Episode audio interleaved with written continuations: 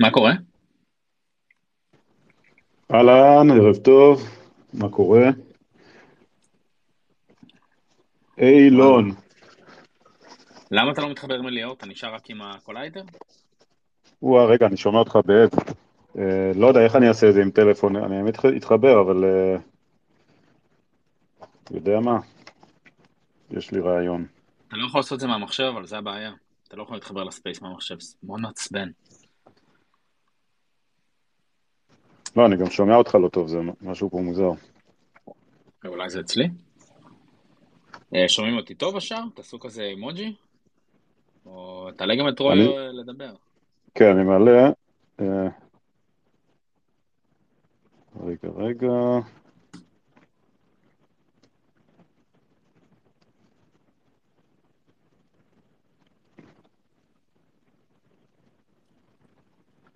אוקיי.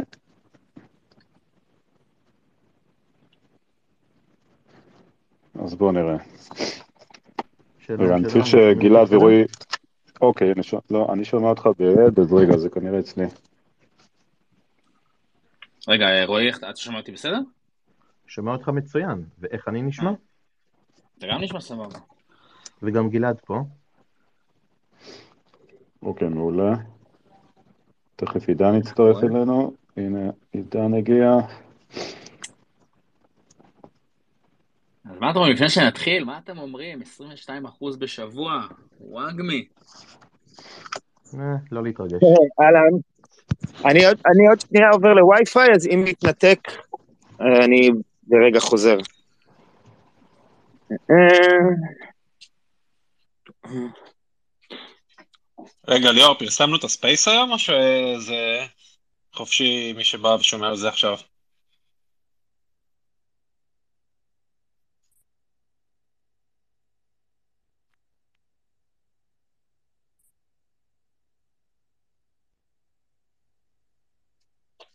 אוקיי, עידן, שומע? אמרת משהו? כן, אני שומע אותך, אני שאלתי, פרסמנו את הספייס? כי אם לא, אז אולי נרשום שנייה בקבוצה בווב 3. כן, פרסמנו שם, אבל אפשר לעשות איזה טוויט אה, שמתחילים. האמת שזה לדעתי אחד הספייסים המעניינים על מוזיקה, וחבל שלא עשינו לזה יותר פרסום.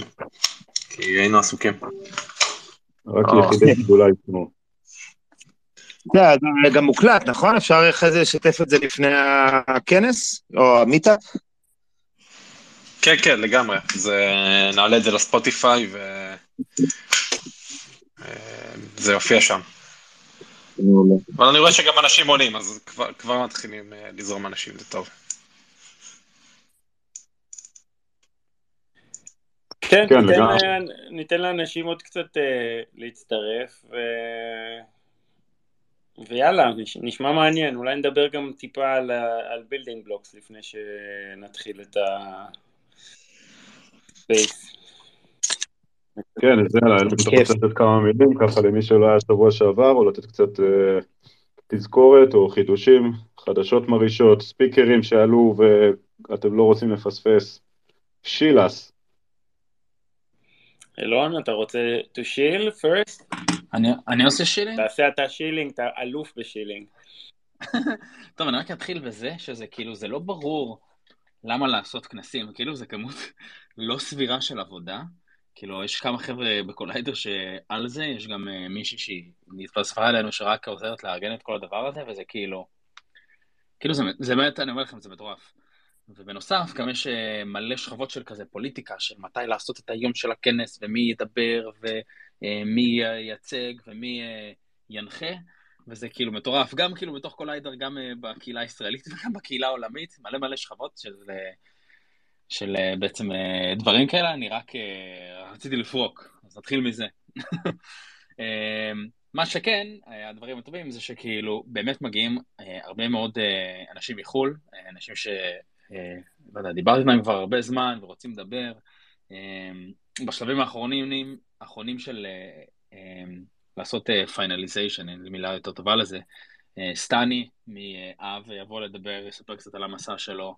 אה, כנראה שג'ו לובין גם יבוא לדבר ולספר על המסע של קונצנזיס ומה היה בהתחלה של איתריום.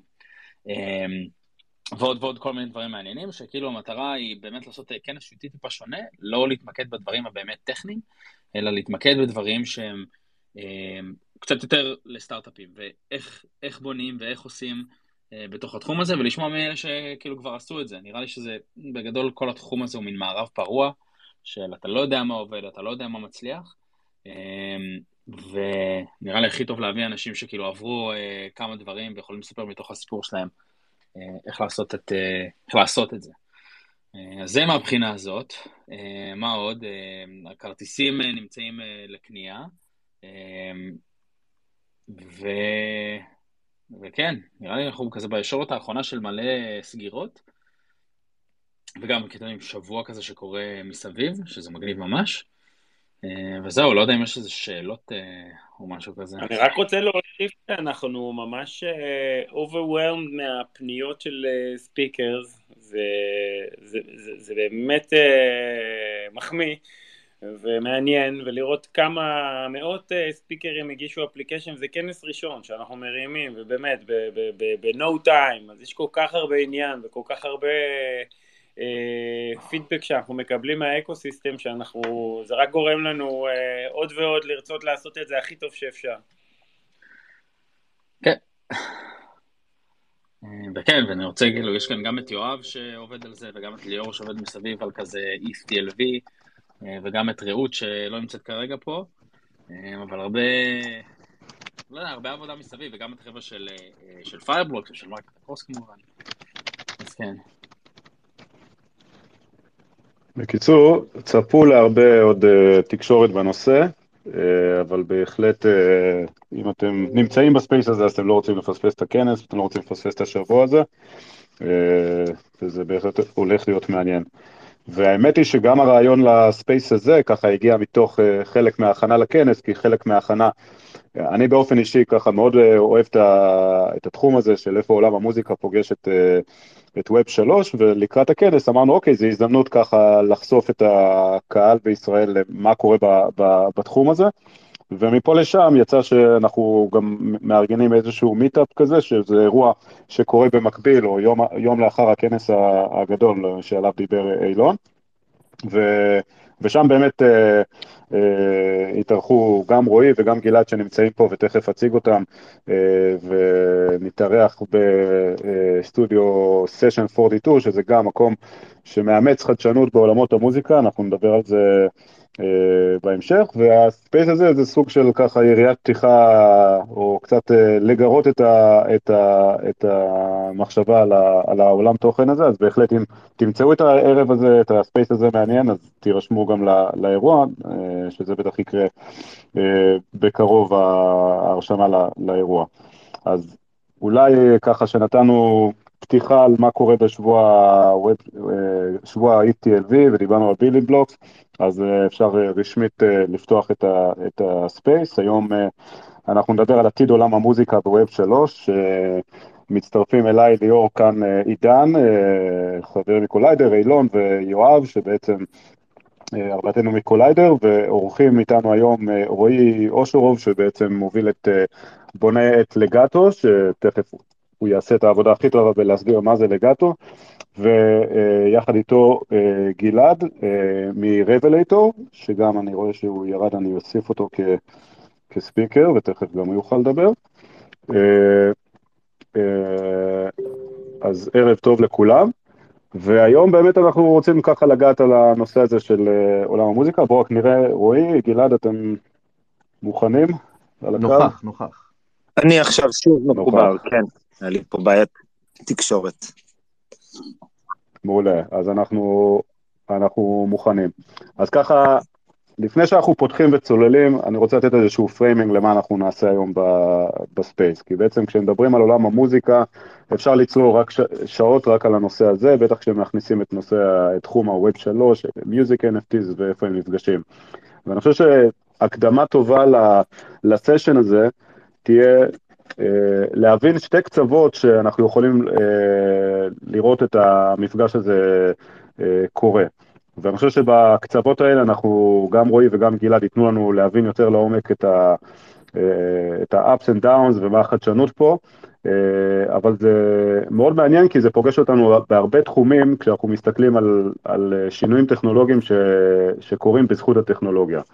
וכשאני מדבר על השינויים האלה אפשר להסתכל על שתי קצוות. פעם אחת, איך הטכנולוגיה הזאת, טכנולוגיית הבלוקצ'יין, קריפטו, מאפשרת בעצם להזרים תשלומים יותר טוב, לעשות reconciliation לתשלומים בצורה יותר מהירה, דברים שהיום אה, נשמע את זה תכף קורים לאורך המון המון מתווכים ו-overhead מטורף מצד אחד.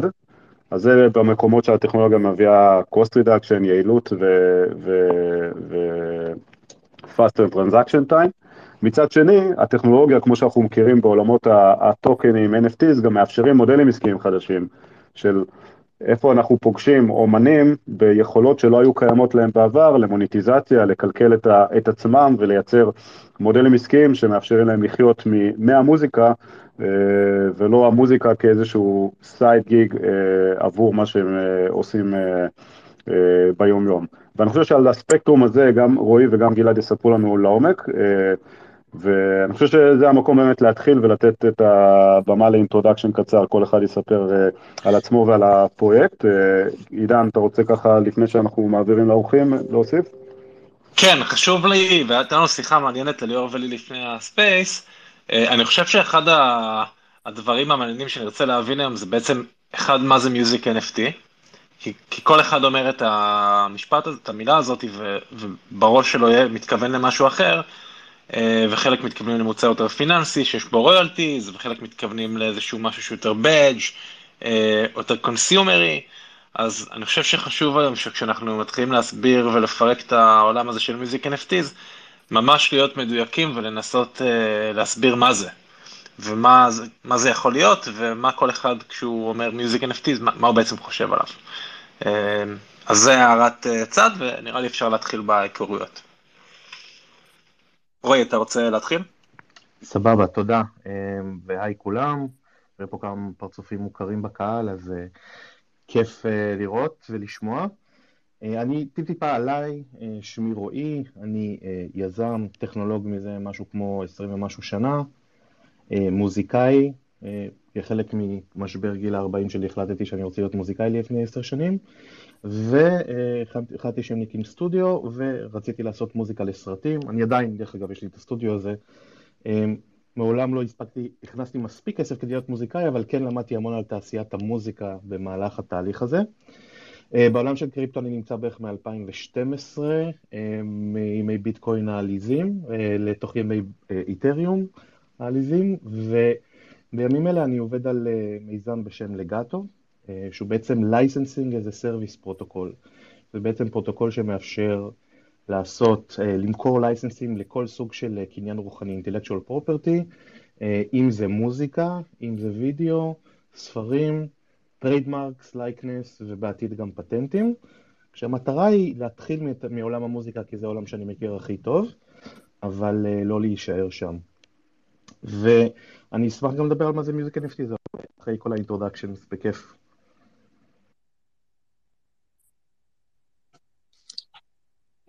אחלה, תודה רועי. אה, אני גלעד, אני פה על הכובע של ה-Web3 ליד ב-Revelator, חברה אה, אמריקאית שיש לה בסיס אה, אופרציה וגם פיתוח בארץ, revelator.com, אם מעניין אתכם לבדוק. אני גם דומה לרועי בג'רני, אני אמנם מוזיקאי מאז כזה, זה הקריירה הראשונה שלי מוזיקאי, ונכנסתי לטק דווקא באמת בעקבות עולם המוזיקה, עם איזה סטארט-אפ שהקמתי ב-2009, אני חושב, כן, ב-2009. Uh, בתחום ה-curation עשינו המון semantic analysis על קטלוגים, ויכלנו לעשות המלצות שמבוססות על, ה, uh, על הסיפור מאחורי כל שיר ולהקה, בעצם uh, על ידי זה שסרקנו את ויקיפדיה, היה פעם, לא יודע אם זה עדיין קיים, דיביפדיה, אתה יכול לראות את הגרף דיבי של ויקיפדיה, ו... לעשות המון ניתוחים שם, ויכלנו לייצר פיד מכל פלייליסט ולתת כישורים למי הפיק למי, מי עשה קאבר למי, אה, ובעצם בעולם יבש שהיה אז של פנדורה, וספוטיפיי רק התחיל, שעשו recommendation based on this sounds like this or you like this, אנחנו עשינו עם קצת יותר קונטקסט, uh, uh, חוץ מוויקיפדיה גם סרקנו, אם אני זוכר נכון, מעל 50 מיוזיק בלוג, זה היה אז RSS פיד זמינים, ובעצם יצרנו פיד שלם בתוך הספריית מוזיקה שלך, וקידמנו את הדיסקאברי באמת דרך הסיפור של המוזיקה, אז ככה נכנסתי ל tech. אה, משם עברתי לפינטק, וככה גם נתקלתי בביטקוין ב-2013, אה, וממש כמעט במזל שהתעניינתי בפרויקט שנקרא אז Mastercoin, אה, והייתי קצת סקפטי לגבי היכולת של לבנות על גבי הביטקוין ledger אפליקציות נוספות, למרות שבתור מוזיקאי ידעתי ש music is ripe for disruption אה, בתחום הזה של distributed ledgers, אז מה, מהצד הזה מאוד עניין אותי, אה, וממש כמעט במקרה חבר בשם יוני אסיה, שיש לו את eToro, אז ויטאליק היה אצלו בפרויקט שנקרא colored coins, וניסה גם אה, פרויקט שמני רוזנפלד התחיל בזמנו. אה, ונתקלתי ב white paper של איתריום, ומאז אה, נשאבתי לעולם הזה, הובלתי את המיטאפים של איתריום ככה לפני ה-ICO עוד, במשך איזה חצי שנה, ומאז אני on and off ב space, אבל האמת שלא התחברתי לאף פרויקט ברמה המקצועית, בעיקר בגלל ש... כל הפרויקטים בתחום המוזיקה על הבלוקצ'יין היו לייצר ecosystem חדש ומקביל.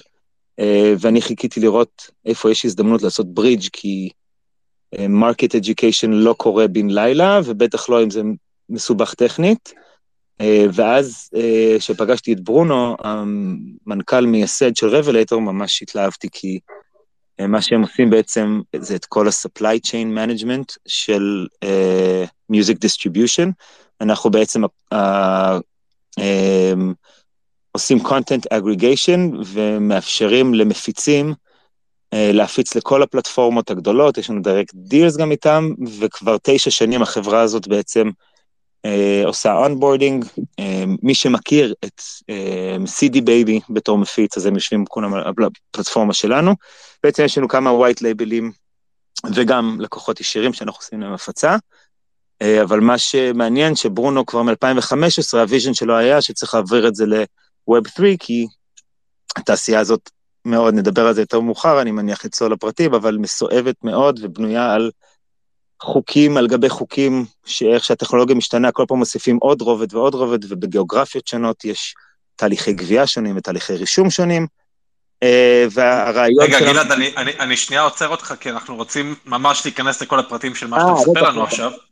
כן, כן, אז זהו, אבל, אבל לא. לא אמרת את הד... כן, סליחה. אני אומר, לא אמרת את הדבר הכי מעניין, שזה על מה אתה מנגן בעצם. כי אמרת אה, אני- מוזיקאי. נכון, אני עדיין אה, מוזיקאי וככה 20% משרה, I guess, אבל אני מתופף, וגם חוויתי על בשרי פשוט את קריסת תעשיית המוזיקה. הייתה לי להקה שלמדתי בחו"ל, ואז גרנו בניו יורק, ואפילו שהחתימו אותנו ללייבל, ראינו איך כל המודלים העסקיים פשוט נוזלים ללייבלים בין הידיים, וזה היה מרתק, כואב ומרתק. לראות, והאמת, בגלל זה נכנסתי לטק, וכן. אוקיי, אז יש לנו פה מתופף. הכל. אז, אז אני בסיסט, דרך אגב, אני ניגנתי, למדתי גם במגמת מוזיקה, וניגנתי בביג בנד, ואני הרבה שנים ניגנתי על. בס, ורועי, גם? אתה, מה זה? בטלמה אלין גם? לא, אה, היה לנו אוקיי. מגמת מוזיקה, קריית אז אונו, אה, אוקיי. לא בתל מעלין, אני לא לא עד כדי כך מוכשר. אה. ורועי הוא, קלידן, נכון? אני אה, למדתי תופים בתור ילד, ומנגן בעיקר בגיטרה, ובימים אלה אני קצת לומד גם אה, פסנתר וכולי, אבל רוב העבודה שלי זה במחשב, לעשות... אה, אה, כשאני עושה מוזיקה, אני עושה מוזיקה לטריילרים, אז אה, בדרך כלל סימפוניות שלמות, אבל עם קולים וירטואליים. אוקיי, אז יש לנו פה להקה ב space היום. אה, ודרך אגב, יואב הוא מנחה, יואב, אני לא יודע אם הוא גם אה, זמר, אבל אני יודע שהוא מנחה, אז אפשר לעשות פה הרבה קומבינציות עם האנשים שיש פה. בכל מקרה, גלעד, התחלת לדבר ככה אה, כבר על כל הבעיות והאישוס של עולם המוזיקה, אבל אני רוצה אולי שנתחיל מההתחלה. אה, וליאור, אולי אתה רוצה להוביל את השאלה הראשונה, אבל אני חשבתי להתחיל ממש מהבסיס כזה של מה הקשר בין ווב 3 לתעשיית המוזיקה, אבל אם יש לך איזו שאלה אחרת שנתחיל איתה, אז בכיף. כן, יאללה, אני חושב שזה זה, זה הכיוון. אנחנו רוצים להתחיל להבין, אוקיי, מה שבור כיום בתעשיית המוזיקה שאתם בעולמות שלכם ברבלייטור פותרים, ואנחנו אחרי זה נשאל את אותו דבר אצל רועי, כי רועי תוקף משהו אחר, צד אחר של התעשייה, ואני חושב שזה כאילו יוביל אותנו להמשך. כי באמת אה, כשמדברים, אה, אני אגיד אמירת מטא, כשמדברים על מוזיקה ו-NFT או מוזיקה ו-Web 3, זה תחום כל כך עצום שאי אפשר לעטוף את כולו תחת אותו, אותו כותרת, ויש הרבה מאוד תתי סיגמנטים, כמו שכשאומרים Web 3 זה לא, זה לא אותו דבר, יש הרבה מאוד uh, בעיות שהוא פותר, אז, אז בואו נתחיל באמת, uh, גלעד, אצלכם. לגמרי. Uh, כן, אז, אז באמת כל הצד של supply chain, אם אפשר להגדיר אותו ככה, נשמע מאוד יבש, אבל יש היום uh, עניין של אה, איך הדאטה זורם, אם, אם חושבים רגע על מה התשתית שמערכת, שתעשיית המוזיקה בנויה עליה, והחוקים שעליהם, אתה יודע, יש, יש מה שנקרא ארגוני זכויות יוצרים, ואקו"ם, אני מניח שרוב האנשים פה שמעו על האיגוד הזה, ופדרציה, יש בעצם, אה, עד שהאומן רואה כסף, בשביל אה, ליהנות היום מהכנסה על ידי סטרימינג, שזה, לא זוכר את המספר האחרון, אבל זה מתקרב ל-90 אחוז. מהכנסות של אומנים, חוץ מכמובן הטיר העליון שעושה הופעות וממלא אצטדיונים. אמ, אה, ויש המון המון בעייתי, בעייתיות באיך שהמידע אה, עצמו זורם בשביל שהאומן יוכל בסוף לקבל תשלום. אמ, וזה מתחיל בעצם מזה שיש המון המון מתווכים, כי אה, יש לך לכל יצירה בעצם 200 אחוז זכויות יוצרים, זה כבר העיוות הראשון שבתעשיית המוזיקה. עכשיו, אם אני צולל עמוק מדי, תגידו לי ונקדם הלאה, אבל בגדול, כשהמציאו את מכונת הדפוס, אה, ומלחין רצה להפיץ את המוזיקה שלו, הוא היה חייב בית דפוס שידפיס את התווים, כי לא היה איך להקליט ובטח שלא איך לשדר. אה, ואז נוצר ה-publishing rights, בעצם בית הדפוס אמר, אוקיי, אני אדפיס את התווים שלך ואפיץ, אבל אני לוקח בעלות על הזה, כי הדפים והדיו והמכונות דפוס הם שלי, ולך יש קניין רוחני, אז אני אתן לך אה, אחוזים, לא משנה מה. ואז זה בעצם היה 100% של publishing rights על, על, על הלחנים שמלחינים ו lyrics ולא משנה מה פיבלשו. אז, אז אתה אומר את אותו דבר קורה היום בעולמות המוזיקה, רק במקום רק publisher אחד, יש לי עוד X או אמרת 200, לא, אבל יש. הרבה מאוד אנשים בדרך. לא, הכוונה, גם יש הרבה אנשים בדרך, אבל הכוונה היא שממש מבחינת ה commodity, יש לך גם את התווים, את היצירה, קניין רוחני, אבל ברגע שהמציאו את הגרמופון ואת ההקלטה, אז הוסיפו עוד 100% שנקרא master rights. ה master right זה בכלל הזכויות על ההקלטה. ואז אתה בתור יוצר אה, וגם אה, מקליט, אתה צריך לנהל שתי מקורות הכנסה, ובשביל זה יש פדרציה, סליחה, יש את אקו"ם שאוכפת את ככה שכל מי שיוצר צריך לקבל זכויות יוצרים, ויש את ה-master rights, שזה החברות, אה, מה שמקליטים, ב, מה שמשמיעים ברדיו, אה, שזה בעצם משלמים זכויות יוצרים על ההקלטה, שזה היה בבעלות האולפנים והלייבלים, כי פעם היה מאוד מאוד יקר להקליט, שזה גם התחום, אני חושב, שעם הכי הרבה disruption מבחינת היכולת שלך להוציא משהו to market, אם פעם היית צריך בית דפוס בשביל להדפיס תווים ואולפן עם ציוד מאוד מאוד יקר בשביל להקליט, היום כל אחד יכול um, ליצור מוזיקה מוקלטת בבית, ויש הצפה מטורפת לספוטיפיי, אנחנו מאבדים חמש וחצי מיליארד השמעות, רק Revelator, חמש וחצי מיליארד השמעות בחודש, ותחשבו כמה תוכן עולה כל יום אה, לפלטפורמות האלה, כי ה-barrier, ה-cost of barrier ירד משמעותית, אבל החוקים שבהם צריכים לאכוף ולעשות את הגבייה על כל ההשמעות האלה נשארו אותו דבר. אז יש לך פדרציה למלחינים ולמעבדים, ובכל גיאוגרפי זה שונה, בארצות הברית משלמים על זכויות כאלה, אבל לא משלמים זכויות כאלה. אבל אם אומן אמריקאי מנגן באירופ, מנוגן באירופה, אז באירופה כן יש לו גבייה, ואז הוא צריך למצוא אייג'נטס בכל אחד מהגיאוגרפיות האלה בשביל לאכוף בכלל. ואז אם גונבים את המוזיקה שלך לפרסומת, אז בכלל איך נמצא מי שייצג אותך, וזה עולם שנהיה מסובך מאוד מאוד מאוד. אז, אז אם אני ככה מנסה לס, לסכם כדי ככה להביא אותנו לנקודה הבאה, אתה אומר, זה עולם עתיק שנבנה רובד על רובד, וככל שהוא נהיה יותר משוכלל, התווספו שכבות, ואתה אומר גם גיאוגרפית, גם אה, אה, ורטיקלים שונים של סוגי זכויות יוצרים, והדבר הזה יצר אה, הרבה overhead בסוף, שבאמצעות הטכנולוגיה הקיימת הוא, הוא לוקח הרבה זמן ועולה הרבה כסף. נכון, ורק לסכם, בגלל שאין אף guild מאוד מאוד מאוחד של אומנים ויוצרים, אין להם כוח פוליטי לשנות את החוקים האלה, אז הם באמת, אם תסתכל על תעשיית, תעשיות אחרות שהן מאוד אה, חזקות כלכלית או פוליטית, לא משנה, אז יש להם יכולת לעדכן את החוקים, ויש תחושה שבתעשיית המוזיקה פשוט נבני, ה-disruption קורה בשטח, אבל החקיקה לא משתנה. אז זה, okay, זה אוקיי, מה שיש אז, אז, אז הבעיה נשמעת ברורה, איפה אתם או איפה הטכנולוגיה בסיגמנט הזה של supply chain בעולם המוזיקה, אתם באים לעזרת, לעזרת האומן. לגמרי, לגמרי. וגם אנחנו מאמינים שיכול להיות דמוקרטיזציה, אנחנו עובדים גם עם Securities Exchanges שמנפיקים, שהולכים לעלות שנה הבאה, בשביל שאומן יוכל, אם, לא יודע אם אנשים מכירים, אבל נגיד, הפעם הראשונה שזה נעשה, דיוויד בואי בשנת 90 ומשהו, המציא משהו שנקרא בואי בונדס, והוא בעצם מכר אג"חים על הקטלוג העתידי שלו, ונתן לאנשים להשקיע, וכך הוא מימן את כל האלבומים ושמר לעצמו 100% מכל הזכויות, הוא היה מאוד מאוד אינובייטיב בתחום הזה, אחרי שבשנות ה-70 פשוט לא היה, לא היה לו מושג לאן כל הכסף שלו הלך, אה, ובשנות ה-80 הוא נהיה סופרסטאר, בשנות ה-90 הוא החליט לקחת 100% בעלות על הדברים שלו.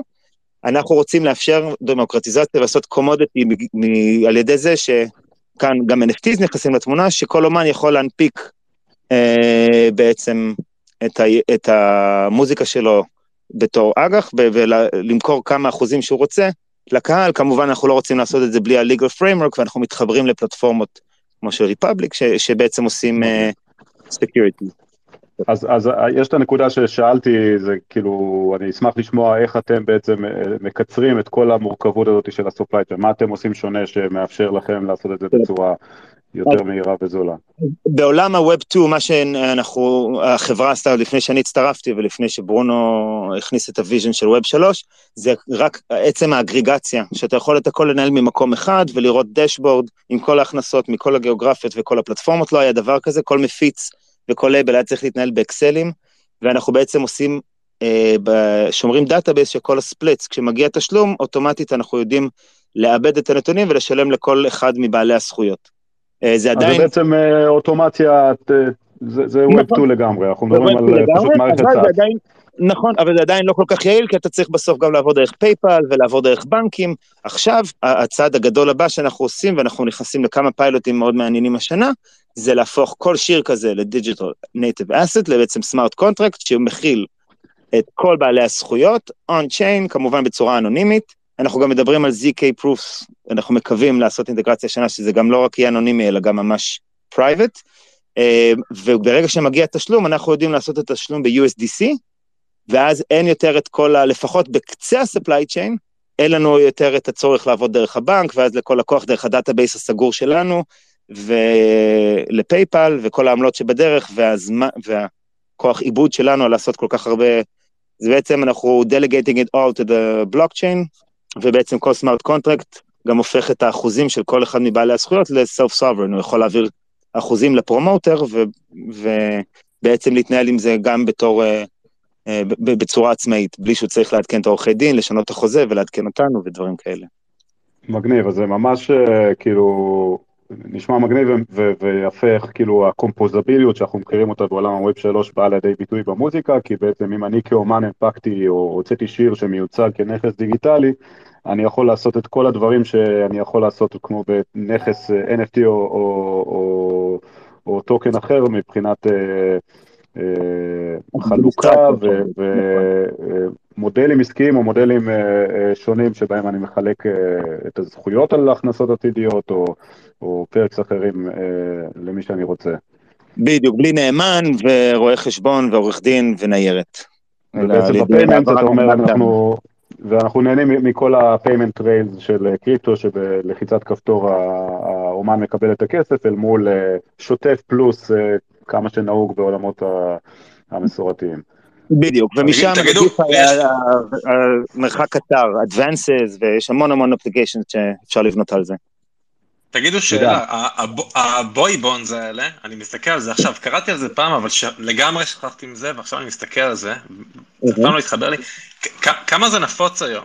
זאת אומרת, כמה, לא יודע כמה אתם מספרים, אבל כמה שוק ה bonds של יוצרים הוא משמעותי היום? אני חושב שמאז סטרימינג זה נהיה יותר פופולרי, יש SoundExchange אני חושב עם הפלטפורמה הכי גדולה, אה, אבל זה לא ממש נגיש ל-non-accredited investors, שזה ההבדל אה, הגדול ה... שאנחנו מקו... מקווים להכניס תחת ה-crowd funding עם הפלטפורמות שאנחנו מתחברים אליהן. אז זה עדיין נישה מאוד אה, זה, למרות שמבחינת, אם תסתכלו קצת על, על ה streaming, revenue זה עולה באמת בקצב מסחרר. אז אנחנו מאמינים שבעשור הקרוב זה יהפוך להיות ממש commodity שאנשים ירצו חשיפה הפורטפוליו שלהם. אבל שאלה טובה כמה זה נכון.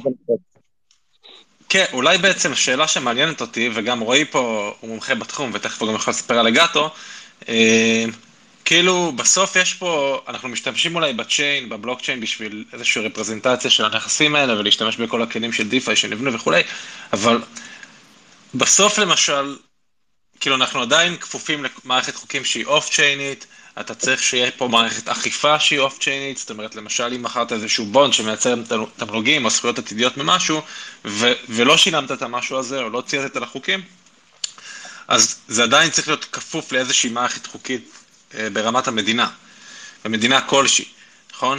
נכון, גם אגב כל הקטע של fraud, אם מישהו גנב משהו והעלה on-chain, בסוף אנחנו לא יכולים להיות arbitrators, ואם שופט מחליט שיש פה infringement, אה, אנחנו צריכים לאפשר בפרוטוקול שלנו את היכולת לאכוף החלטות בית משפט כאלה. בהחלט אה, עדיין, אה, עדיין תלויים במחוקקים ובתשתית הרגולטורית.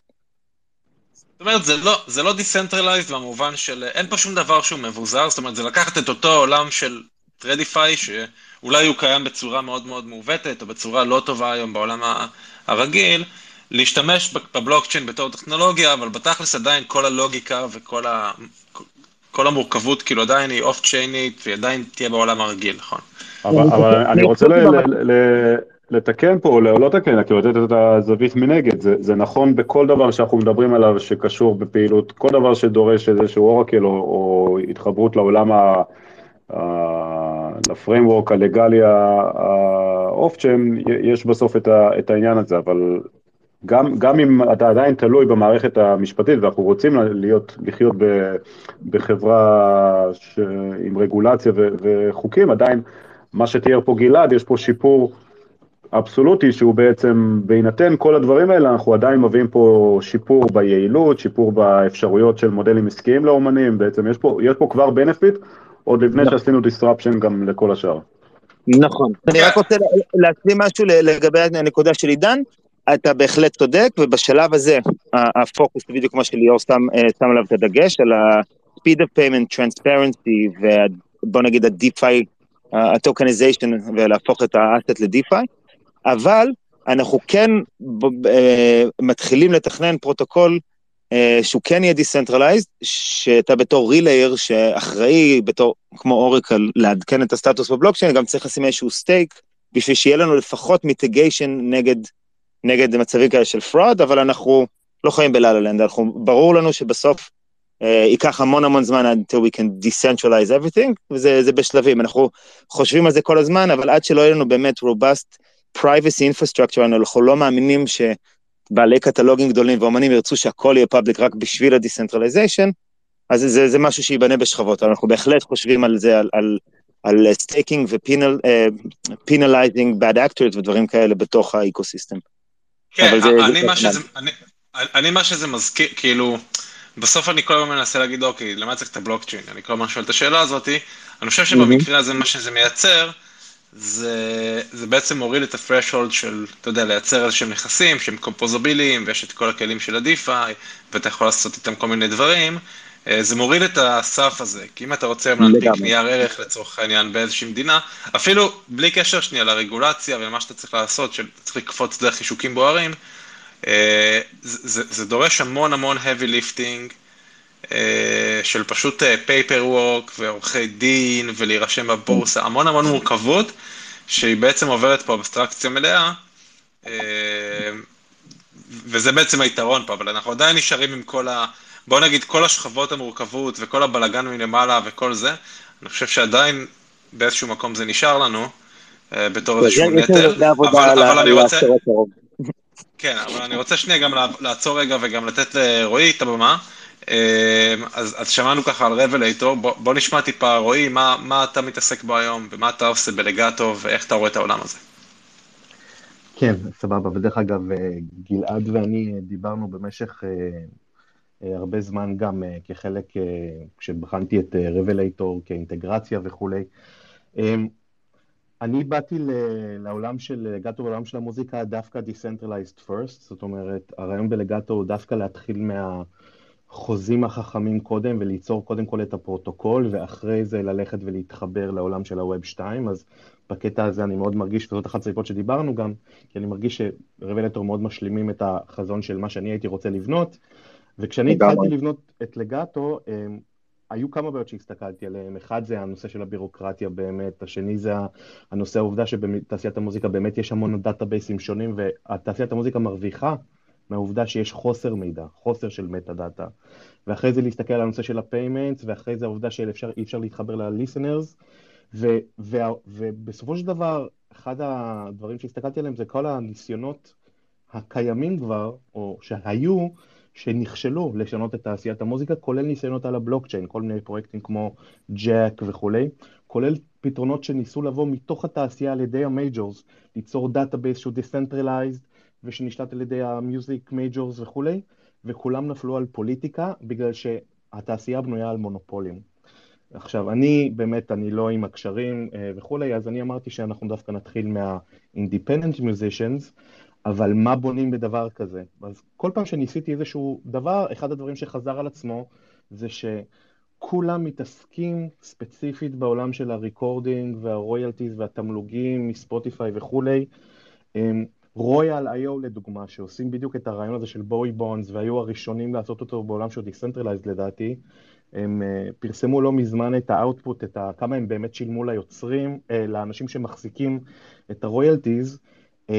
ה-return investment שם הוא מאוד מאוד נמוך יחסית לאנשים שקנו, בגלל שה-return investment מסטרימינג הוא מאוד מאוד נמוך. ואם מסתכלים היום מאיפה האומנים עושים היום אה, כסף בתעשיית המוזיקה, סטרימינג זה אחד המקומות שעושים הכי פחות כסף לאומנים. אני בא יותר מעולם ה-sync, שזה בעצם עולם שבו מוכרים מוזיקה, לייסנסים של מוזיקה למודעות ולטריילרים ולדברים כאלה, ויש שם המון המון כסף. זה אחד, ה, אחד מהנישות שרציתי להתחבר אליהם קודם, ובהתחלה המטרה הייתה לבנות איזשהו משהו שמאפשר למכור לייסנסים ספציפית לסרטים, אבל לאט לאט הבנתי שבעצם אחד הנידס הכי חזקים שקיימים היום, זה שרוב האנשים אין להם את היכולת למכור לחברה שימוש ב-IP שלהם. אז אם אני אומן קטן, אה, אם אני ארצה למכור עכשיו שיר לנטפליקס, ונטפליקס יכולים לשיר לשלם לי על 30 שניות של שימוש בשיר, יכולים לשלם בין 1,000 ל-5,000 דולר, אם זה שימוש בבקראונד, ככה ברקע כשאנשים אחרים מדברים, בסדרה. בשביל 5,000 דולר, החוזה והעורך דין שאני אצטרך ייקחו לי בין חצי לרוב הדברים, כולל הנגושיישן, ולא שווה לי הרבה פעמים בתור אומן קטן, אה, לחתום על החוזים האלה, בגלל שהעלויות של עורכי דין וההבנה של ה-legal וכל ה-negotiation. אז המטרה שלי הייתה דווקא לבנות את הפתרון הזה של הבעיה, שבו יש את העיקרון של ה-20-80. 20% מהזמן אנחנו באמת צריכים את העורך דין לפרויקטים או ל-negotiations מסובכים יותר, אבל 80% מהזמן רוב, ה... רוב החוזים נראים אותו דבר בתעשיית המוזיקה, יש משהו כמו בין עשרה לשלושים scenarios מסוימים, שימוש במודעה, שימוש בסרט, שימוש בפוסט, שימוש בקרדיט וכולי וכולי וכולי. אז המטרה שלי הייתה לבנות מערכת שמאפשרת לך סוג של DocuSign שהוא decentralized, שבא ואומר, אוקיי, אתה יכול עכשיו לבוא ולחתום חוזה, אנחנו ניתן לך את הטמפלטים של החוזה, אתה תחתום על החוזה on-chain, כולל כל הפרמטרים שנכנסים לחוזה, בין אם הם encrypted או לא, ואתה תקבל את התשלום כמובן on-chain, כל הדברים שגלעד אמר גם, גם קיימים שם, כל הנושא של הספליטים בין האנשים, אבל החתימה על החוזה והעובדה שמישהו עכשיו מותר לו להשתמש במוזיקה שלך מעבר לכסף שאתה כבר מרוויח מסטרימינג, זאת המטרה. אז אם אני אומן, והיום יש לי מוזיקה בספוטיפיי ואני מרוויח 40 דולר ברבעון הזה, אז איפה עוד אני עושה את הכסף שלי? אז אני אתחיל לחפש כל מיני מקומות שבהם אני יכול למכור את המוזיקה שלי. לדוגמה, כל מיני אה, חברות כמו Songtradr וכולי ייקחו אה, הם music libraries שמוכרים ל-ad industry ול-TV industry ויכולים לקחת בין 50 ל-70 אחוז מהכסף בגלל שהם centralized marketplace מה שאני מנסה לבנות זה את ה infrastructure שכל החברות האלה יוכלו להשתמש בו בצורה הרבה יותר קלה ומהירה ולספק חוזים חדשים כל הזמן, חוזים לכל מיני שימושים, חלקם עדיין לא קיימים, חלקם קיימים כבר היום. חוזים לשימוש במטאוורס זה דוגמה מאוד מאוד בסיסית, אבל חוזה לשימוש אה, אה, של שיר בצורה שאף פעם לא השתמשו בו, אה, שהוא מאפשר חוקים חדשים, זה משהו שמאוד מאוד מסובך לבנות, והמטרה שלי היא לאפשר חוזים מאוד מאוד פשוטים, שאנשים לא צריכים להתעסק בהם יותר מדי, וספציפית בתעשיית המוזיקה, רוב האנשים לא רוצים להתעסק עם עורכי דין, לא רוצים להתעסק בכל הליגל הזה וכולי. אז באמת, אחד הדברים שהאומנים באו וניסו לפתור בתעשיית המוזיקה זה מיוזיק NFTs, שאני חוזר רגע לשאלה המקורית שלך. ומיוזיק NFTs היו אחד הדברים הכי מעניינים שקרו בתעשיית המוזיקה לדעתי, בגלל שמיוזיק NFT בבסיסו, הוא בסך הכל נראה כמו NFT רגיל של בורד אייפ וכולי, שיש לו אה, סוג של חוזה חכם קטן, סתם פונקציה עם, שמצביעה על איזשהו URL, אה, וה-URL הזה מצביע לאודיו במקום לתמונה. והאנשים האלה באו ואמרו, אני מוכר את המוזיקה שלי, תקנה קולקטיבל של המוזיקה שלי, תשלם 20 או 200 דולר אפילו, אני אמכור 50 כאלה, ועשיתי בחמישים האלה, מהאנשים שמכירים אותי, הרבה יותר ממה שאני אעשה בכל רבעון. אז הם קצת שינו את המשחק. הבעיה במיוזיק NFT זה שאין להם שום זכויות. אז אנשים שקונים אותם זה כמו לקנות קלפים של חבורת הזבל או של מרדונה. אתה אוסף אותם בגלל הקטע הרגישי או בגלל שאתה מרגיש שאתה תומך באומן. אבל מה אם אנחנו ניקח אנשים שגם ככה כבר היום מנסים לשנות את העולם שלהם ולמכור גם את ה music NFTs וגם מוכרים בספוטיפיי, אבל יש עכשיו חברות שרוצות לקנות אותם. עד עכשיו שירתנו את ה consumers, שאוספים collectibles, ובעולם של ה Web 2 יש לנו את ספוטיפיי, זה סוג אחד של license. מה אם חברה רוצה עכשיו להשתמש ב music NFT שלי בפרסומת? אז אני יכול עכשיו לבוא וליצור על גבי Legato את הבלופרינט של השיר הזה, ולמכור ממנו לייסנס לשימוש בפרסומת. אז עכשיו, אז, אז רגע, אני, אני... מאפשר לי להכניס עוד כסף. אז אני שנייה עוצר אותך, רק כדי לעשות סדר פה לכולם. אוקיי, אז אנחנו מבינים, והתחלנו להיכנס למה זה מיוזיק NFTs וכולי.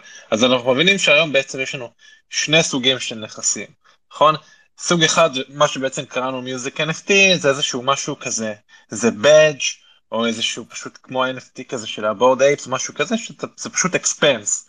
נכון, אנשים קונים אותו היום בסאונד XYZ, הם קונים אותו כדי להתחבר עם האומן, הוא יכול להיות 20 דולר, 40 דולר, ליאור ואני כל הזמן משחקים בזה, וקונים כל מיני כאלה שכל מיני אומנים, ואני לא אמור לצפות לאיזושהי תמורה בחזרה, זה כמו ללכת להופעה, זה כמו לקנות כרטיס הסרט, ואז כל מיני פלטפורמות שונות מנסות בעצם לייצר איזשהם פיצ'רים או פרקס אחרים סביב אותו NFT, לדוגמה ב Sound X...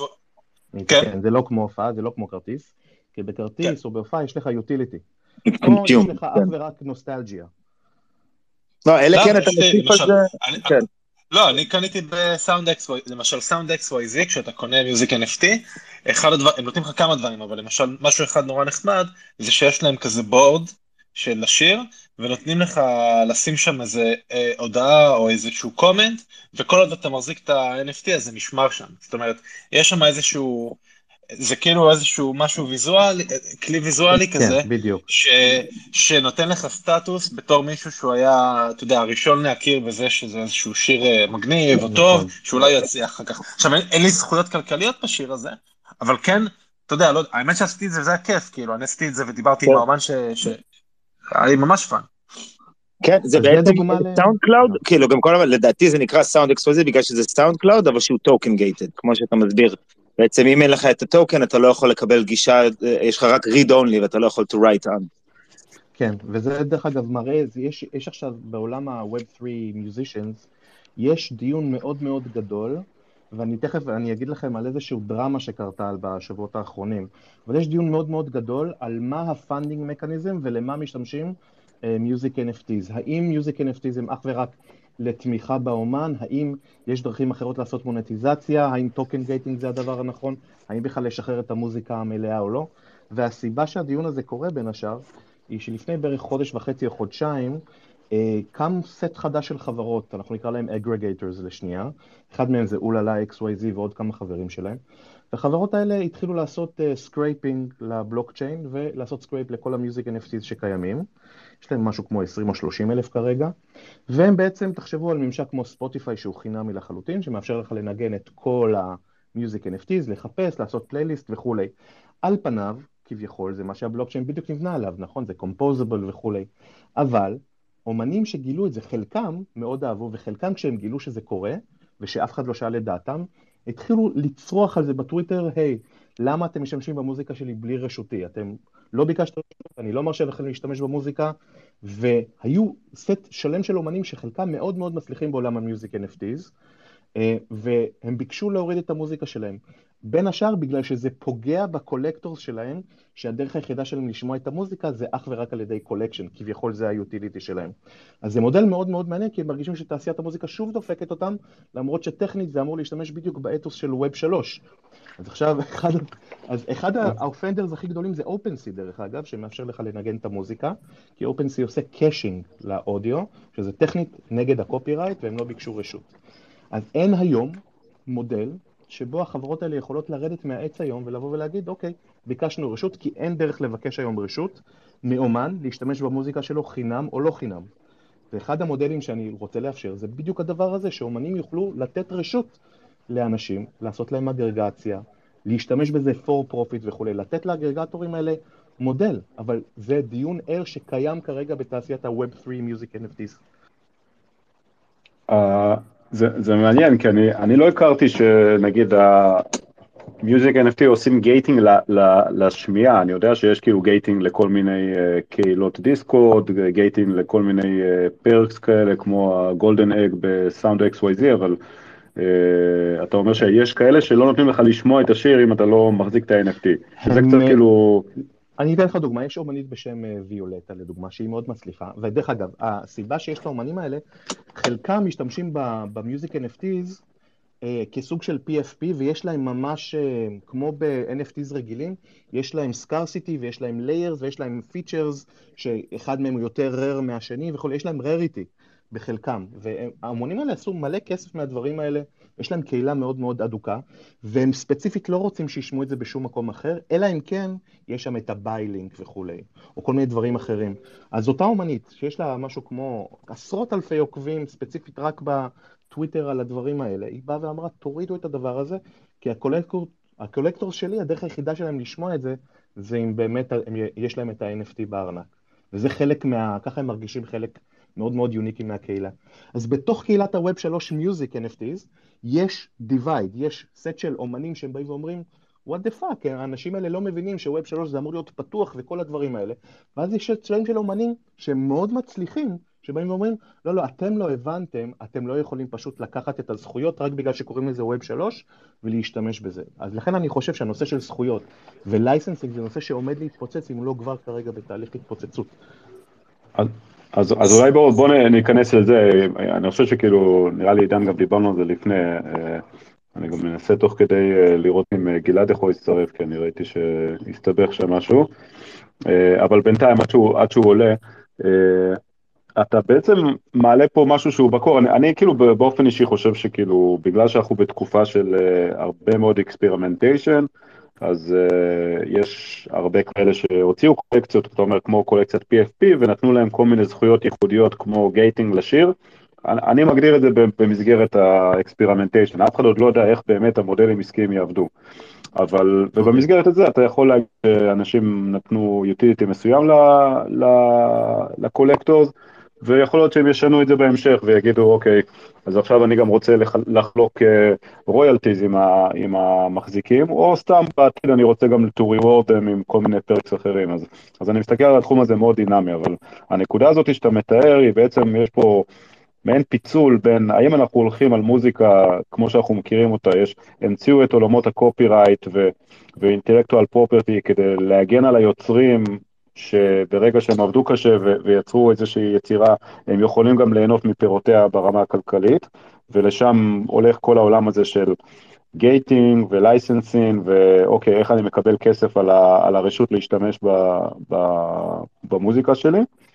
ומצד שני, מודלים שהם לוקחים את גישת ה- CC0 או משהו בעצם ש, שהולך לכיוון כמו Nouns. אנחנו בונים משהו פתוח לכולם, תשתמשו בזה איך שאתם רוצים, תפיצו את זה, מוזיקה נועדה להיות uh, חופשייה, ואנחנו נמצא דרך לעשות מוניטיזציה דרך מודלים חדשים, דרך גייטינג uh, לקהילה, דרך מרצ'נדייז, או אלף ואחד דברים שבעצם uh, אבל בסוף, מה, מה, מה שאני רק רוצה להוסיף, שהסיווג פה, הסיווג שלפחות לי יש בראש, והוא כאילו מקל מאוד על החיים, זה בין פיננסי, אה, שזה יותר באזורים שאתם דיברתם עליהם בהתחלה, יש רויאלטי, זאת אומרת, אם אני קונה עכשיו את ה bond של דיוויד בואי, או קונה איזשהו music NFT שנותן לי royalties rights, אז יש פה נכס פיננסי בסוף, אני יכול לנסות אולי לאמוד בצורה ספקולטיבית מה התזרים העתידי שאני אקבל ממנו, ולחשוב כמה שווה לי לשלם עליו.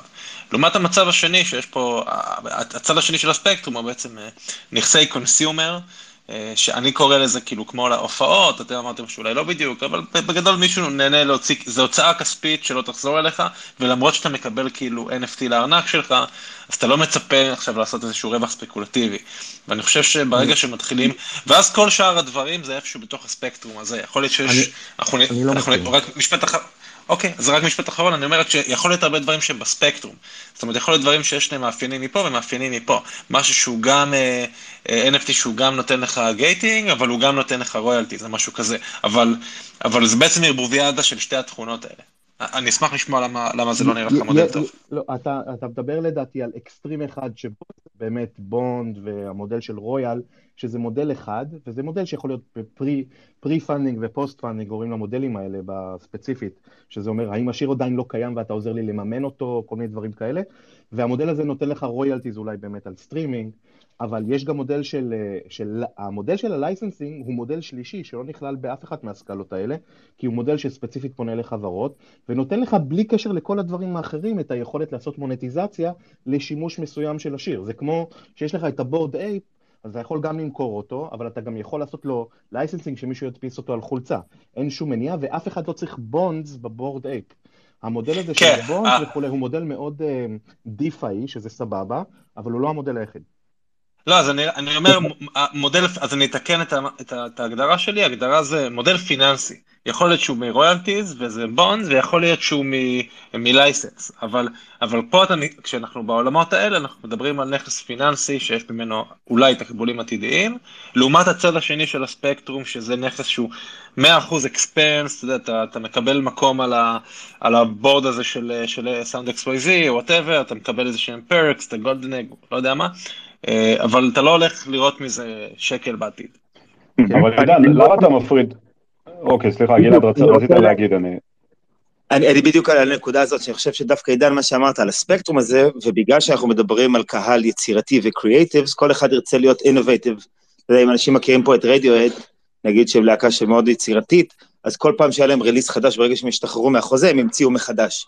ואני חושב שדווקא הספקטרום זה שהדברים יהיו מעניינים. ואנחנו מדברים עם חברות שמעוניינות, כמו שרועי אמר, אה, על license אה, להדפיס על חולצה, אז נגיד ב heavy metal יש כאילו כל מיני נישות שבהם דווקא ה merchandise והדברים האלה הם מכניסים ללהקה יותר מסטרימינג, והם ירצו לתת license מקומי למישהו ב Redbubble לעשות חנות ולנהל, הם לא צריכים בכלל לעשות את ה merchandise, כי הם יכולים לעשות sub licenses בכל הגיאוגרפיות בעולם, והמעריצים שלהם ינהלו להם את ה merchandise, והם ימשיכו לקבל royalties מזה.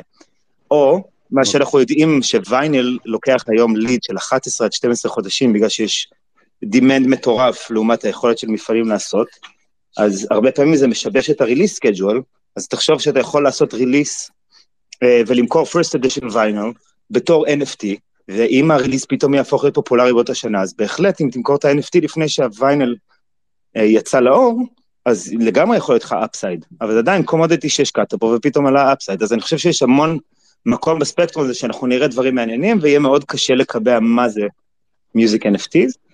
ואני רק רוצה להגיד נקודה אחרונה לגבי ה license, שזה, אני בטוח שזה יעשה את ה disruption בשנים קדימה, אבל האדפשן יהיה מאוד מאוד תלוי על כמה אפשר לעשות אכיפה ועד כמה זה יהיה מוכר על ידי הגופים הקיימים. מדהים. אני, אני, אני רוצה לקחת להמשיך מהנקודה הזאת, גלעד, כי זה, זה חלק מה... זה הדבר שהדליק אותי ב, בעולם הזה. אני חושב שעידן גם בהתייחס להפרדה ש, שעשית בין נכס פיננסי לבין פשוט אה, אה, נכס ללא ציפיות רווח. אני חושב ש, ש, שה...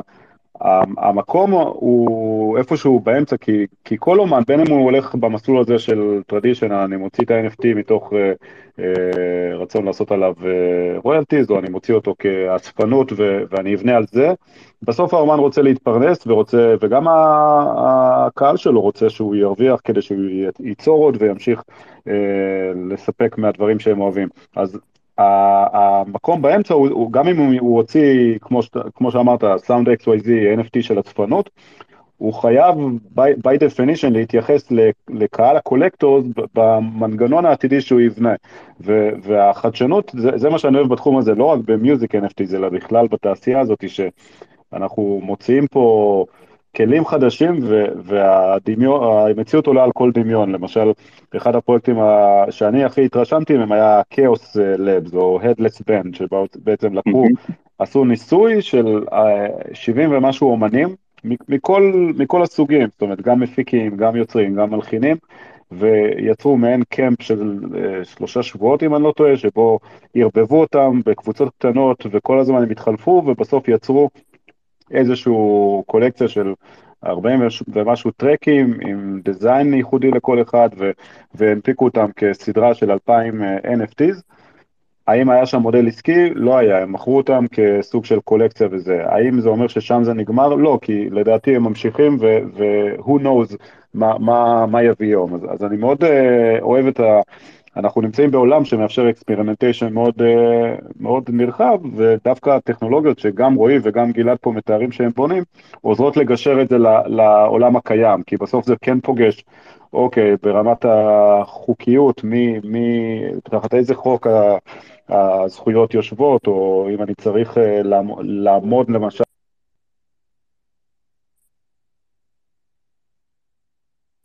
בוואקום, אני עובד בעולם עם רגולציה. אז, אה, וזה מרגיש שאנחנו ממש כבר נמצאים באזור ש, שהדברים האלה נתפרים. כן, אחד, ה... אחד הדברים שאני, אחד הדברים שלא, שלא לא, לא הסכמנו לדבר עדיין, זה שה target market מאוד מאוד משנים. יש לך את הצד של הבעיה שזה יכול להיות consumer או חברה, נניח licensing זה בדרך כלל חברה ויש להם אינטרס להיות חוקים כי אפשר לתבוע אותם. consumer אין בעיה, אתה לא צריך לקרוא לו license, אין שום בעיה, אבל גם בצד של מי שמוכר, זה יכול להיות individual, אבל זה גם יכול להיות קבוצה, זה יכול להיות נניח סוג של DAO שמבוסס על מוזיקה, אמ, זה בעצם אחד הגרסאות שאנחנו כרגע מתכננים ב Legato, שזה תוכל יהיה לך חנות שמאפשרת לך אה, לעשות revenue share עם treasury ולעשות voting על איזה שירים נכנסים לקטלוג, איזה סוג של לייסנסים מוכרים, כמה הם עולים. אני מאוד מאוד מאמין במודל הזה, וללכת לחבר'ה של Songcamp ו Chaos, אחד החלומות שלי זה לעבור, להראות להם את המערכת הזאת ולתת להם להשתמש בזה לקולקציה הבאה שלהם. אני חושב שזה יכול להיות מדהים. זה דוגמה באמת innovation מאוד מעניין, של לחבר את העולם הזה, אני קורא לזה דומיין ספציפיק דאו, שזה או מיוזיק ספציפיק דאו, זה דאו שמכיל קטלוגים ולייסנסים וקולקטיבס, הכל ביחד. זה מאוד מאוד יפה בעיניי. כן, אני חייב להסכים איתך, וגם אני יכול להגיד משיחות איתם, שבאמת הכל מאוד מאוד כאוטי, ובגלל שהדברים האלה לא הוגדרו מראש בתוך הקמפ ובתוך התהליך יצירה, גם לא לקחו בחשבון את, את הנקודות האלה, עכשיו זה תהליך מאוד מאוד מורכב של איך מפיצים את המוזיקה הזו החוצה מתוך ה eco-system הקיים. אמ, ולכן אם יהיה תשתית כזאת של licensing, אה, אמ, שהיא ממש embedded בתוך התהליך, ה-creative process, זה יכול להוריד המון המון friction מאיך הדברים האלה יתחברו, יתחברו הלאה.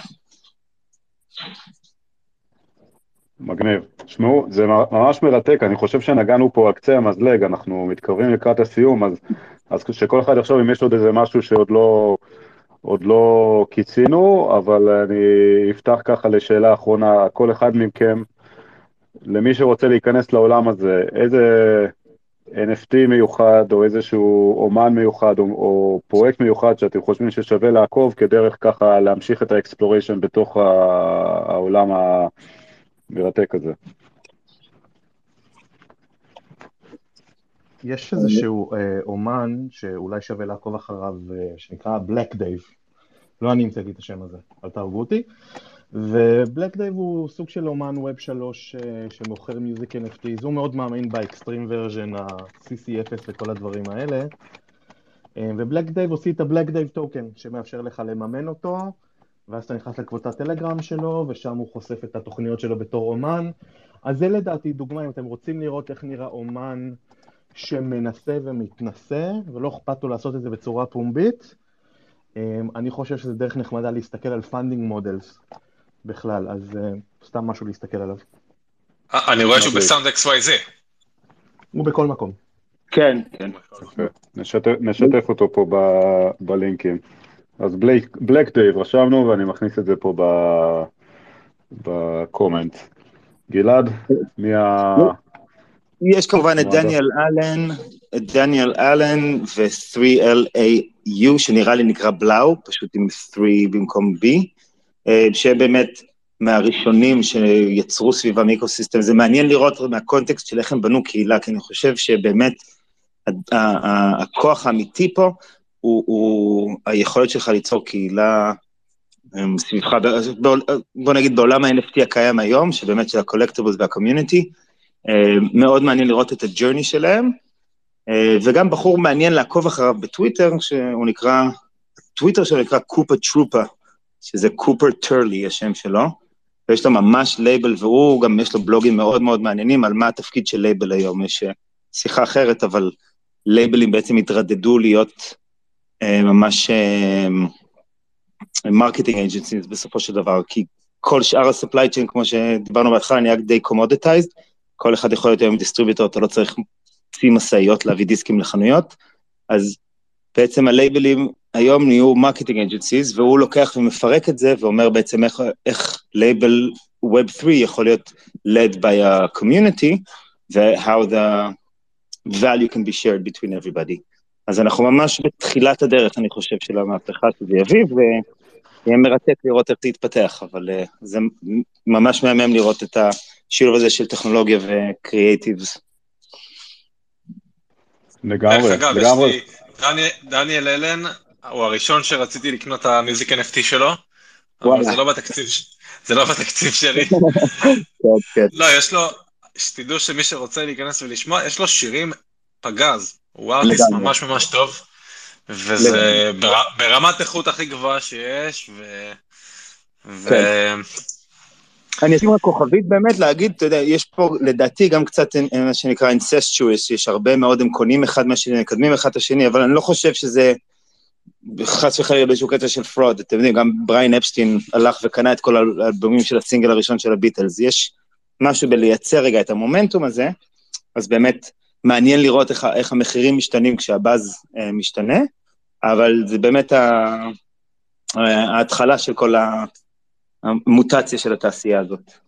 ויש פה גם את אלמנט הספקולציה של Sound XYZ יהפכו לפרוטוקול, וככל ששיחקת בפרוטוקול אולי תקבל גם איזשהו airdrop, אבל זה כבר... לגבי אה, הדבר הזה ליאור, אני רוצה להגיד לגבי Sound XYZ ופרוטוקולים אחרים, אם אתם רוצים לדבר רגע על טרנדים, אחד הטרנד שקורה כרגע, זה שאומנים, הייתה, היה פרוטוקול שנקרא Mint Songs, ש, ש, שבעצם הסטארט-אפ שלהם פשוט נסגר, והמון אומנים אה, קיבלו מזה ממש ממש דגל אדום, בגלל שהם הרגישו שהם לא שולטים בקונטרקטים שלהם, בין אם זה היה נכון או לא, זה היה קצת פחות זה, אבל בעקבות זה קם קם קול צעקה קטן, אה, שבו אומנים קוראים ליותר ויותר אומנים אחרים, ספציפית ל-early adopters, לשלוט בקונטרקטים של השירים שלהם, והם הרבה יותר משתמשים עכשיו בפלטפורמות כמו Manifold ו-Decent XYZ, כדי לעשות deploy לקונטרקטים משלהם עם שירים שיש להם ownership מלא עליהם, כדי שלא יישלט על ידי פלטפורמה כמו סאונד וכולי. אז יש שם, גם שם יש טרנד מאוד מעניין ששווה להסתכל עליו. וואי, איזה מעניין. אני, חבל שנגמר הספייס עכשיו, כי הגענו רק עכשיו לחלקים הכי טובים, אבל בסדר. כן, אז הספייס הבא יהיה שילמי או best NFT, music NFT, אבל אנחנו נעשה את זה בהמשך. האמת מוזמנים, יש לנו ערוץ אה, טלגרם של הקהילה, ווב שלוש בעברית, אז כל מי שמקשיב או אחרי זה בקהילה יכול אה, להעלות, לשתף על, אה, על דברים שהם אהבו. האמת, אני יכול להמליץ לא על NFT ספציפי, אבל אני יכול להמליץ על, על כלי שנקרא... Spinamp, שזה לזקנים בינינו take off על, על Winamp, שזה היה בעצם הדרך שבה הקשבנו ל-MP3 בימים שזה עוד היה נחמד להוריד שירים. אה, כמובן שלא הורדנו שירים ותמיד קנינו דיסקים או תקליטים, לא באמת הורדנו, אבל מי שכן הוריד, זה ככה הוא שמע אותם. אז שתדע ש Spinamp הוא אחד מה target defendants בעולם הזה של האגרגטורים שלא ביקשו רשות. למרות שטכנית הם יחסית מספיק קטנים שהם לא קיבלו מזה יותר מדי backlash, אבל הם מודעים, אני חושב, לבעיה. אמ, ודרך אגב, אם כבר בלינקים אחרים עסקינן, אני ממליץ להסתכל על איזשהו EIP באיתריום שנקרא EIP 5553 למי שמכיר. אה, זה ה-AIP שאני ספציפית יצרתי, אז זה שיל שלי, אם כבר רציתם שיל, אז הנה השיל, זה סטנדרט שאני עובד עליו לייצוג של קניין רוחני על איתריום, אז אה, חפשו את זה בגוגל, EIP 5553, אבל Spinamp הם מאוד מאוד נחמדים. וואו, בואנה, איזה, תקשיב, יש פה ב space היום באמת אה, כמה דברים רציניים. יש פה, בואנה, EIP, EIP של IP, אני מסתכל על זה עכשיו, מאוד מאוד מגניב. אני, אני חושב משהו אחרון ש... לדעתי שיחה מעניינת להמשך, אני לא יודע אם נעשה על זה עוד ספייס, או... אני מניח שכן, שמתי שיהיה עוד space על זה, כי התחום הזה הולך לגדול. אמ, אני חושב שזה מעניין בדיוק הדינמיקות שדיברתי עליהן עכשיו, שיש פתאום מישהו שרוצה לעבור מ Sound XYZ ל Manifold, ויכול להיות שב Sound XYZ יש כזה קהילה עכשיו שהיא מתחילה להזין את עצמה, והיא עושה לעצמה bootstrapping, ובאיזשהו שלב היא תהיה מספיק גדולה וזה כזה יתפרץ. או דו... זה האזורים הכי מעניינים שנייה, של להבין אה, דווקא מה האומנים חושבים, מי האנשים בכל מקום, למה פה יש קצת אנשים שקונים ו... ופה יש הרבה, למה פה הם מבסוטים ופה הם לא מבסוטים. זאת אומרת, אם אנחנו רוצים... להבין לאן העולם הזה ילך, לפחות בשנה, שנתיים, שלוש הקרובות, אז בכל הדברים הצהובים האלה קצת, תמיד יש הרבה רמזים לעתיד, ואני מת על זה. וואי, אז אני מציע שנעשה space על עתיד המוזיקה ב Web שלוש ונדבר על זה. נעשה part 2. תשמע, לקס פרידמן יש לו שמונה... לקס פרידמן יש לו שמונה שעות עם בלאז'י, למה שאנחנו לא נעשה שמונה שעות על music אה, אה, NFTs? כי כשאתה תהיה בלאז'י ואני אהיה לקס פרידמן, אנחנו נעשה את זה. צריך את ה distribution שלהם. כן. אז תראו, אנחנו רגע לפני שאנחנו סוגרים, דווקא נבוא ו... ונגיד שזה לא נגמר פה, כי בעוד שבועיים, קצת יותר, בעצם שלושה שבועות, בשבוע ETLV, יום אחרי Building Blocks, יש הזדמנות לכל מי שרוצה לבוא, גם לבוא ולדבר ככה בינינו, כל מי שמתעניין, וגם לשמוע עוד על, ה... על העולם הזה, אנחנו, יהיה מיטאפ באמת מוקדש לנושא הזה, זה קורה בשמיני לפברואר, זה יום רביעי, בשעה שש. בסשן 42, אנחנו נפרסם את זה וכל מי שרוצה להגיע יהיה מוזמן. אפרופו קופר טראלי, אז גם איתו אני מדבר, לא מאמין שהוא יגיע, אבל אולי נצליח שישלח לנו איזה אומן ככה לדבר, ואנחנו עובדים על זה כדי באמת אה, לשמוע מאנשים שאשכרה מתנסים בדבר הזה ובטכנולוגיה, לראות איך, איך זה ממקור ראשון. אז uh, בינתיים, עד שאנחנו uh, ניפגש בעצם עוד שלושה שבועות במיטאפ, אני רוצה להגיד תודה קודם כל גלעד ורועי, באמת זה היה מרתק, ואני חושב שכיף uh, לבנות דברים בתחום כזה שהוא גם מאוד נוגע ב- בכולנו, זה כאילו מוזיקה זה דבר טהור ו... ו- שנוגע בכל אחד באיזשהו מקום, ו- וכיף שאפשר לשלב גם טכנולוגיה, גם מוזיקה וגם ככה חדשנות.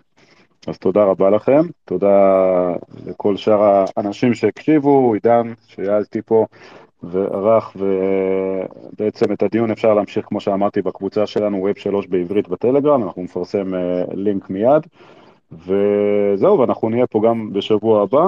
תכתבו לנו אם יש נושאים אחרים שמעניינים אתכם, אם יש אה, שאלות או, או אנקדוטות שמעניינות אתכם שנרחיב עליהן, אנחנו שמחים לקבל את הפידבק מהקהילה וככה לנסות לדבר על התחומי עניין שמעניינים את כולם. אז uh, בינתיים, בזה נסכם. תודה רבה, ערב טוב. תודה, תודה. תודה לכולם, היה כיף. היה תענוג, תודה, להתראות. לגמרי. צ'ירס. יאללה, ביי, תודה.